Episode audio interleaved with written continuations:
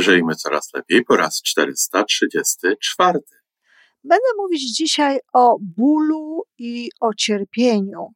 No, słowa, jak wiadomo, niezbyt dobre, niosą sporo e, takiej energii, no, negatywnej, smutnej, ciężkiej, bolesnej, ale są to słowa, których nie można inaczej nazywać i są to słowa, do których nie można stosować eufemizmów.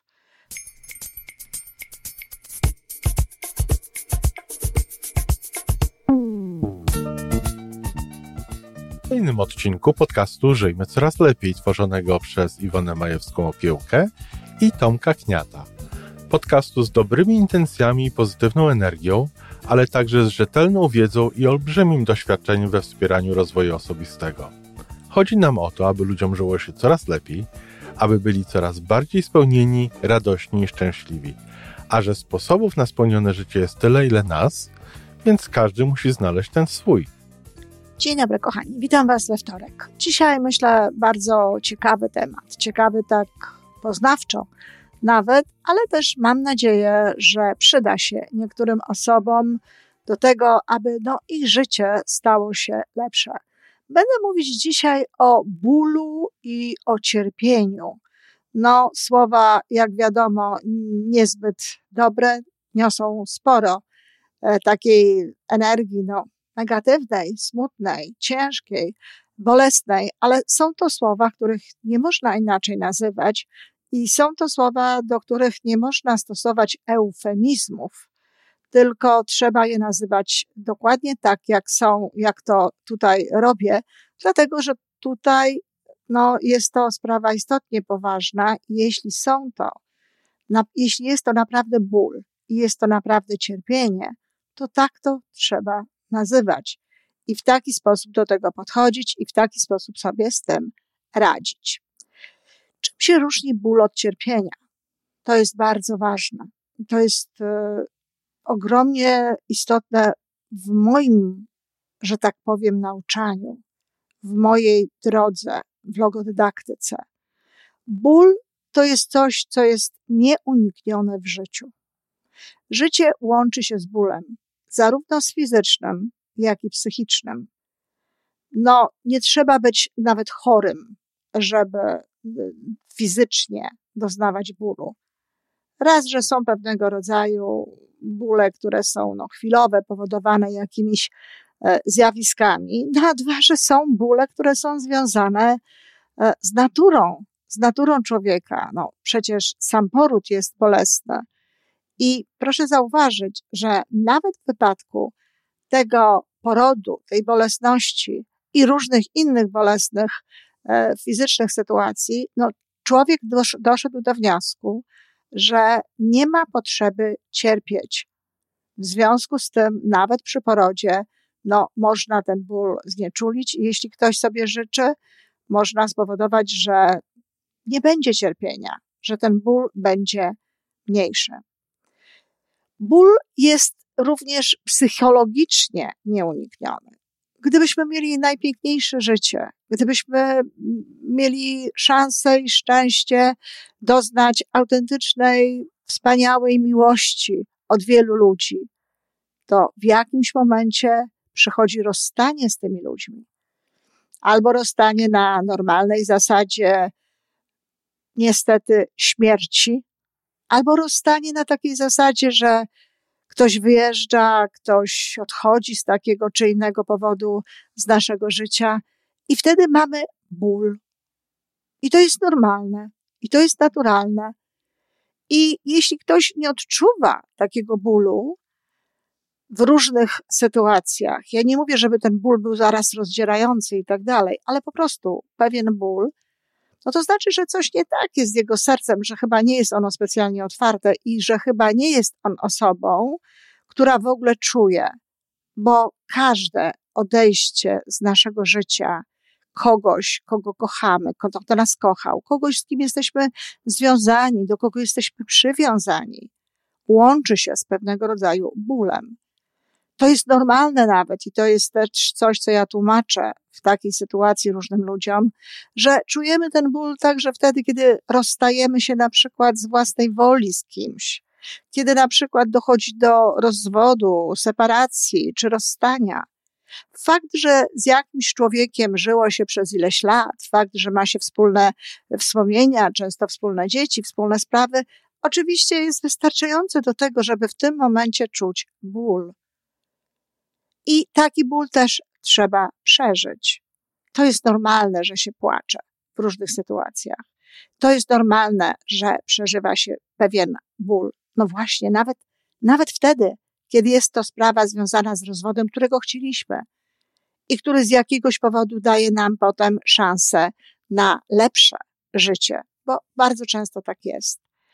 I ból jest czymś, co trzeba przeżyć, czego nie da się uniknąć i czego nie warto unikać. To znaczy, warto oczywiście unikać wtedy, kiedy są to działania zupełnie niepotrzebne. Nie o to chodzi, żeby prowokować w naszym życiu ból, ale kiedy ten ból się staje, że tak powiem, faktem, no to nie warto od niego uciekać, tylko trzeba go przeżyć.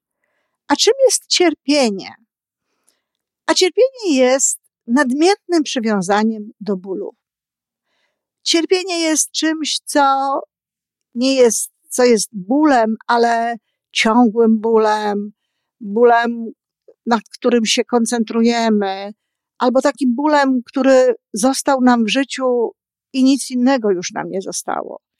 Bo często na przykład w różnych chorobach, w chorobach nowotworowych, po prostu ludzie leżą, praktycznie rzecz biorąc, no, czekają na błogosławieństwo, bardzo często śmierci, i nic im już w tym życiu nie zostało oprócz tego bólu. Nie zostało im nic innego do koncentracji, do skoncentrowania się na czymś, tylko ten ból. I wtedy jest to cierpienie. I w takim cierpieniu, no, tym fizycznym, można ludziom ulżyć różnego rodzaju środkami farmakologicznymi, bo tak naprawdę, no, nie da się tutaj e, w inny sposób tym ludziom pomóc. Natomiast cierpienie, które jest e, efektem jakiegoś bólu psychologicznego, wcale nie musi być naszym udziałem, a wcale nie musimy cierpieć. Nie każdy ból musi prowadzić do cierpienia. I o ile ból jest, tak jak mówiłam, nieunikniony, cierpienie jest uniknione i warto tego cierpienia unikać. Warto jest robić różnego rodzaju rzeczy, warto jest podchodzić do niego w taki sposób, żeby no to cierpienie nie miało jakby miejsca. My, Polacy, mamy bardzo swoisty stosunek do cierpienia. Nie wiem, być może mają jeszcze inne nacje, ale nie znam się na tym. Wiem natomiast, na jaki stosunek do cierpienia mamy my, Polacy. Przepraszam, ja wiem, jak to zabrzmi, ale my uwielbiamy cierpienie. My uwielbiamy cierple, cierpienie, jesteśmy narodem, który z całej swojej historii robi historię narodu cierpiącego. Podczas kiedy naprawdę nasze doświadczenia, choć bolesne, bolesne, niełatwe, czasem dramatyczne i tragiczne, no, znajdują swoje odbicie również w innych narodach. I jakoś tak niekoniecznie te narody, no powiedzmy sobie oprócz narodu żydowskiego, który również y, robi z tego y, martyrologię. Więc jakby ból, tak, ale czy cierpienie jest takie potrzebne? Czy trzeba cały czas cierpieć, cały czas to podkreślać, cały czas o tym mówić, cały czas do tego nawiązywać? Nie, nie ma takiej potrzeby, bo to nie czyni życia przez to lepszym, piękniejszym. Nie chodzi o to, żeby zapomnieć o czymkolwiek. Nie chodzi o to, żeby zapominać historię. Wszelkie zdarzenia bolesne czy jakiekolwiek inne, tak, powinny mieć w niej miejsce. Trzeba o tym mówić, trzeba uczyć młodych ludzi tego, takiego życia, żeby tego unikać. No ale kto powiedział, że koncentracja na cierpieniu spowoduje akurat, że młodzi ludzie będą tego unikać? Naprawdę są zupełnie inne sposoby. A zatem cierpienie nie jest potrzebne nawet w historii. My mamy również w religii takie fragmenty, które mówią, że to cierpienie jest takie ważne. No, przede wszystkim wiemy o tym, że cierpiał Chrystus, chociaż e, on sam się specjalnie na to godził i właściwie jego cierpienie bardziej jest opisywane oczami tych, którzy to widzieli, a nie jego samego. On tylko prosił o to ojca, że jeśli może, to aby od niego tę, tę czarę, to zdarzenie, y, aby zabrał to, aby on tego nie musiał wypić. Ale nic nie wiemy tak naprawdę o jego cierpieniu. Ból na pewno, no bo to wynika po prostu z sytuacji. Ale my oczywiście zrobiliśmy z Chrystusa, no właśnie taką osobę. Najważniejsza sprawa w naszej religii to jest to, że Chrystus cierpiał.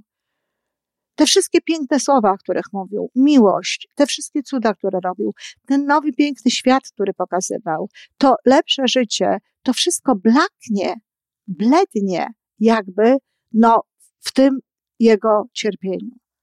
Nie chcę w to wnikać, nie chcę tego oceniać nawet, no bo jest to pewien element religii, historii, a kto ja jestem, żebym nawet to oceniała. Choć uczciwie powiem, że wolałabym, żeby ta nasza religia katolicka była bardziej zbliżona do religii na przykład Afroamerykanów, do religii czarnych ludzi, gdzie tam jest więcej radości i cały akcent, cały, cały, cały punkt odniesienia jest właśnie na tym, co Jezus wniósł, co Jezus zrobił, co Jezus jakby proponował i było tam jak zdecydowanie więcej radości. No ale to są Afroamerykanie, a nasza polska tradycja, polska historia jest właśnie taka. I przez tę religię i przez tę historię, no jest w nas taki kult tego cierpienia, tego cierpiennictwa. Nam się czasami podświadomie oczywiście, ale być może wydaje, że no mając taki ciężki los i, i będąc częścią religii, gdzie ten Jezus tak cierpiał, to my też musimy cierpieć. My też musimy e, nieść krzyż. Jak często się to mówi, żeby nieść krzyż. O, już abstrahując od tego, że bardzo mi się podoba takie stwierdzenie, że Pan Bóg nigdy człowiekowi nie daje krzyża większego niż on jest w stanie unieść, czyli znowu to cierpienie nie bardzo jest potrzebne, ale już y, pomijając to stwierdzenie, no tak jak mówię, Jezus ten krzyż zaniósł i wcale nie znaczy, że my go mamy zanosić. O naśladowaniu Chrystusa, cała piękna książka na ten temat, piękne rady, czy w ogóle życie takie, jak żył Jezus, to nie jest życie, w którym trzeba cierpieć. To jest życie, w którym trzeba pytać, co by zrobiła miłość, jak zachowałaby się miłość i w zgodzie z tym żyć. Czyli tak naprawdę ten nasz przenoszony z pokolenia na pokolenie, jakiś taki kult cierpienia, te smutne pieśni kościelne, nawet w momencie Wielkanocy, kiedy to jakimś zawodzącym tonem śpiewa się Wesoły Dzień nam dziś nastał, one są odzwierciedleniem tego wszystkiego, co jest, co jest jakby wetkane, wetkane w naszą istotę jako Polaków, w nasze dziedziczenie kulturowe, w nasze dziedziczenie tego wszystkiego, co mamy. No i oczywiście to powoduje, że wiele osób e, kultywuje, tak, kultywuje cierpienie w swoim życiu. Że wiele osób uważa, że jak ktoś nie cierpi, jak ktoś nie ma życia, które jest cierpieniem, no to coś nie tak że trzeba cierpieć, że warto cierpieć. Mówi się, że kogo Pan Bóg kocha, tego doświadcza. Jak to? Po pierwsze, Pan Bóg kocha wszystkich, a nie, że tego kocha, a tego nie kocha i tak dalej. Po drugie, pewnego rodzaju doświadczenia mamy, bo sprowadzamy je na siebie swoim działaniem, albo inni ludzie sprowadzają swoim działaniem. To nie jest tak, że Bóg nas chce doświadczać. Nie wiem, z jakich fragmentów Nowego Testamentu, który jest przecież obowiązującą jakby częścią um, Pisma Świętego w naszej religii, no, biorą się tego rodzaju stwierdzenia i tego rodzaju wiara. Nie ma potrzeby cierpieć. Tak samo jak istnieją środki przeciwbólowe, jak istnieje możliwość odsuwania cierpienia fizycznego, dokładnie tak samo jest z cierpieniem psychologicznym. I teraz, co można zrobić? Zresztą tutaj, a propos tego cierpienia, chcę powiedzieć jeszcze taką y, anegdotę, która, która jest znana z, powszechnie z życia księdza Józefa Tischnera. Ja przeczytałam to w książce o profesorze Tischnerze, bardzo ładnej zresztą książce, Myślenie według miłości. I tam podobno była taka sytuacja, że kiedy ksiądz Dyszter nie mógł już mówić, bo on miał zaatakowane tutaj y, gardło, przełyk, krtań um, nowotworem, napisał na kartce i podał to swojemu przyjacielowi, notabene Jarosławowi Gowinowi, um, kartkę, na której napisał nie uszlachetnia. Nie uszlachetnia. Oczywiście nawiązywał do tego, że cierpienie uszlachetnia. Napisał nie uszlachetnia, a cierpiał, bo to jest to, jak powiedziałam, mimo tego, że ten wielki umysł, bo wielki umysł, no, ciągle funkcjonował, ciągle spotykał się z ludźmi, to ta siła tego bólu była tak duża, że przeszło w to cierpienie. I on napisał, że nie uszlachetnia. A w swojej książce, w jednej z, y, napisał, i to jest właśnie e, przypomniane również w tej książce Myślenie według miłości, że cierpienie zawsze niszczy. Tym, co dźwiga, podnosi, i wznosi ku górze, jest miłość. I właśnie miłość jest jednym ze sposobów na likwidację cierpienia. Jeżeli robimy pewne rzeczy i w konsekwencji tego doznajemy bólu, ale robimy to z miłości, robimy to z miłości dla kogokolwiek, dla ludzi, konkretnych ludzi, dla konkretnego człowieka, z miłości dla kraju, z miłości dla nie wiem, jak, jakikolwiek bliźniego, jakiejkolwiek innej sytuacji, wiemy, że to jest efekt miłości, ale niestety ten efekt miłości łączy się z tym, że cierpimy w jakiś sposób, no to to nadaje przynajmniej temu cierpieniu jakiś sens. A jeżeli nada się temu cierpieniu sens, jeżeli dołączy się do niego miłość, to będzie to zupełnie inna jakość to cierpienie będzie zupełnie inaczej wyglądało. E, to oczywiście, tak jak powiedziałam, ból będzie, ale nawet nie przejdzie on w takie cierpienie bez sensu, tylko będzie cierpieniem z sensem, które jest, tak jak mówię, czymś już zupełnie innym. Że zupełnie inaczej do tego wszystkiego się podejdzie. I tutaj znowu Viktor Frankl też daje wielki przykład tego, nie przykład, ale w ogóle podpowiada, jak można zamienić to, ten ból, którego się doznało, na cierpienie. Po pierwsze, sam to zrobił. Przecież był więźniem kilku obozów koncentracyjnych, stracił całą rodzinę z wyjątkiem siostry. I nie koncentrował się na tym. I żonę stracił świeżą, poślubioną, taką zaraz po ślubie i nie koncentruje się na tym. Nie koncentrował się na rozpamiętywaniu tego wszystkiego, co było. Koncentrował się na życiu. Koncentrował się na, na nadawaniu sensu temu, co było. Na znajdowaniu w tym, no chociażby właśnie jakiegoś doświadczenia, które będzie mogło dołożyć coś do, do życia jego czy życia innych ludzi jego doświadczenia w obozie koncentracyjnym sam o tym mówi. Bardzo wiele wzniosły w jego koncepcję logoterapii. Logoterapii, czyli jakby terapii poprzez sens, terapii poprzez znaczenie. Jednym z takich sposobów, w jaki no, pokazuje w którejś ze swoich książek, jak można mm, spowodować, żeby ktoś mniej cierpiał, właśnie nadając mu sens, Mówię o takim człowieku, który bardzo kochał swoją żonę i bardzo no, cierpiał, kiedy ona umarła. Ból, ale właśnie rozpamiętywał to, właśnie koncentrował się na tym, właśnie nie widział sensu, bo ból bez sensu bardzo łatwo może się przejść w cierpienie. Natomiast jeśli damy mu sens, jeśli go potraktujemy tą miłością, to wtedy może zmienić swój kształt i nie być tak naprawdę cierpieniem, tylko może nawet zelżeć ten ból. I bardzo cierpiał po stronie tej, tej mm, żony, w ogóle wpadł w jakąś e, depresję czy nerwicę, e, również e, jak, jak to, to, czym zajmował się Wiktor Frank. I Wiktor Frank pomógł mu w bardzo prosty sposób. Wytłumaczył mu, że dzięki temu, że jego żona umarła pierwsza, to ona nie cierpi po jego śmierci. Słyszycie? I on złapał w tym sens. Tak bardzo ją kochał, że przecież nie chciał dla niej cierpienia.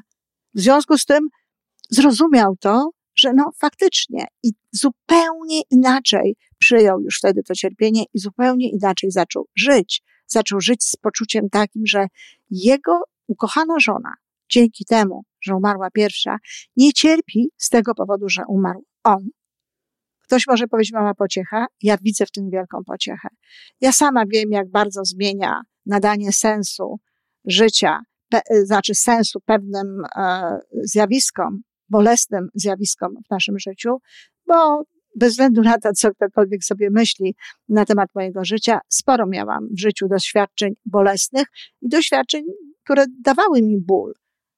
Tylko właśnie ten, to nadawanie temu, temu sensu, ta zdolność patrzenia na to w odpowiedni sposób powodowała, że ten ból był mniejszy. Prawdę powiedziawszy, chrześcijanie, ludzie, którzy wierzą w to, że y, to życie przybierze kiedyś jeszcze inny kształt, no, mogły, mogliby znajdować w tym wielką pociechę dla faktu, że jacyś ludzie umierają. To, że my cierpimy po śmierci innych ludzi, to tak naprawdę jest cierpieniem naszego ego, kochani. Ja wiem, jak to brzmi, no ale taka jest prawda. My cierpimy z tego powodu, że brakuje nam tych ludzi. Nam brakuje tych ludzi. Czyli nie płaczemy nad nimi, płaczemy nad sobą. Czyli nie płaczemy nad tym, nad stratą w sensie, że no, odeszli, że za wcześnie, że mogli żyć, że jeszcze nie przeżyli tego czy tamtego, tylko my płaczemy nad tym, że my nie będziemy ich mieli w swoim życiu. I to jest zrozumiałe. To jest absolutnie zrozumiałe. Ale właśnie można to potraktować, nie wiem czy słyszycie, ale jakaś się włączyła wiertarka czy coś takiego. Ale właśnie możemy potraktować to jako ból, przeżyć ten ból. On on spowoduje, zwłaszcza jeżeli to są bardzo bliskie osoby, dzieci na przykład, on powoduje, że to życie nigdy już nie jest takie samo, ale przełożenie naszego zainteresowania na inne obszary, życie, mówienie sobie często, że na przykład nikt nie chciałby z tych, co odeszli, że, żebyśmy w taki sposób cierpieli, żeby to wpływało na, na nasze życie w sposób negatywny i tak dalej. Oderwanie się od siebie, od tego swojego cierpienia, tylko skierowanie się właśnie na życie, na inne sprawy, być może na inne dzieci, być może na radość właśnie z tego, co niesie każdy, każdy dzień, na wszelkiego rodzaju pocieszające informacje na temat właśnie ewentualnie życia po śmierci, bo to może również pomóc niektórym osobom, to powoduje, że nie cierpimy. Ból tak, ale ból trwa ileś czasu i potem wracamy do życia. Jeżeli sobie przypominamy, jeżeli odtwarzamy sytuację, jeżeli o tym mówimy, jeżeli się użalamy i tak dalej, no to oczywiście ten ból będzie wracał, wracał i wracał i będzie cierpieniem. Znowu niektórzy uważają, że jak ja mogę być wesoła, jak ja się mogę bawić, jak ja mogę robić różne rzeczy, skoro przecież mnie umarło dziecko, czy mnie umarł ktoś inny. No, można, można. I nikt nie wymaga od nikogo tego rodzaju poświęceń. Nawet przecież w religii jest pewien okres żałoby i dobrze, że on jest. W tej chwili oczywiście psychiatrzy bardzo, znaczy nie tyle sami psychiatrzy, ile w ogóle całe podejście do psychiatry skróciło ten okres żałoby i to jest w ogóle bez sensu, ale okres żałoby, rok na przykład, to jest właśnie taki czas, w którym systematycznie trzeba przechodzić na stronę tego, tego życia, kiedy trzeba wypłakać, wykrzyczeć, być może jeszcze w inny sposób jakoś załatwić sprawę swojego bólu. Jest na to kilka różnego rodzaju sposobów i potem przechodzić jakby no, w tę stronę, gdzie to jest dobre. Jaki sens? Można znaleźć sens. I każdy tak naprawdę może znaleźć sens w tym, co, co się dobrego stało w wyniku śmierci nawet dziecka, czy w wyniku śmierci kogoś innego bliskiego. Natomiast wszystkie inne rzeczy, które się dzieją, takie bolesne, też można zastępować sensem. Na przykład często jest tak, że ludzie ofiarowują swoje cierpienie, mocno religijni ludzie, ale nie tylko, w jakiejś intencji. E, robi, e, kiedy no, czu, czują jakiś ból z wyniku właśnie tego, że robią takie czy inne, inne y, rzeczy, ofiarowują jakby to swoje cierpienie w jakiejś intencji. Godzą się na to, żeby przyjmować jakiś ból, bo jakby znowu nadają temu sens, że ktoś inny dzięki temu na przykład, nie wiem, wypracują coś dla niego, czy zrobią coś dla niego. Nie wiem, jak to działa, kochani. Nie wiem, czy Bóg istotnie bierze pod uwagę tego rodzaju rzeczy. Chciałabym wiedzieć, że tak, bo sporo jest takich ludzi, którzy w taki sposób podchodzą, ale e, ta intencja wtedy jest taka ważna, taka istotna i ta intencja powoduje, że ten ból się trochę rozmywa. Czyli podsumowując, kochani, nieprawdą jest, jakoby Pan Bóg doświadczał tych, których kocha, bo kocha wszystkich. Ból jest nieunikniony, zarówno psychiczny, jak i fizyczny. Cierpienie jest do uniknięcia, do uniknięcia i jedno, i drugie. Nie ma potrzeby e, ani cierpieć, jeśli można sobie w, w jakiś sposób pomóc, ani e, fizycznie, ani cierpieć psychicznie, jeśli można skierować swoje myśli, swój działania, sposób działania w inną stronę. Jeśli ktoś cierpi, to w pewnym sensie cierpi, no przykro mi bardzo, na własną prośbę. A w każdym razie za własną zgodą, bo wcale nie musi. I nie ma tutaj żadnego związku, że ktoś jest bardziej wrażliwy, że każdy czuje inaczej i tak dalej. Oczywiście, że każdy czuje inaczej. Oczywiście, że ludzie mają różne progi wrażliwości, na przykład na ból, to jest naturalne.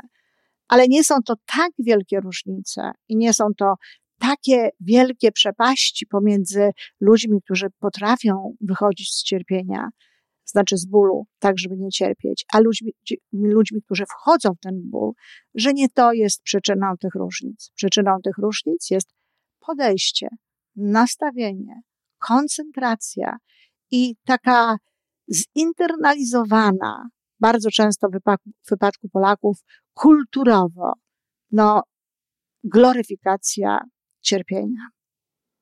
To tyle, kochani. Poważny odcinek, co? Dziękuję bardzo.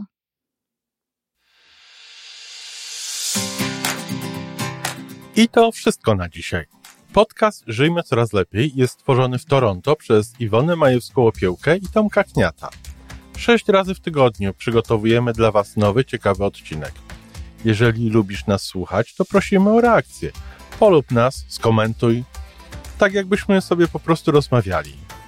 Zapraszamy do darmowej subskrypcji. Jesteśmy dostępni na każdej platformie, gdzie można słuchać podcastów.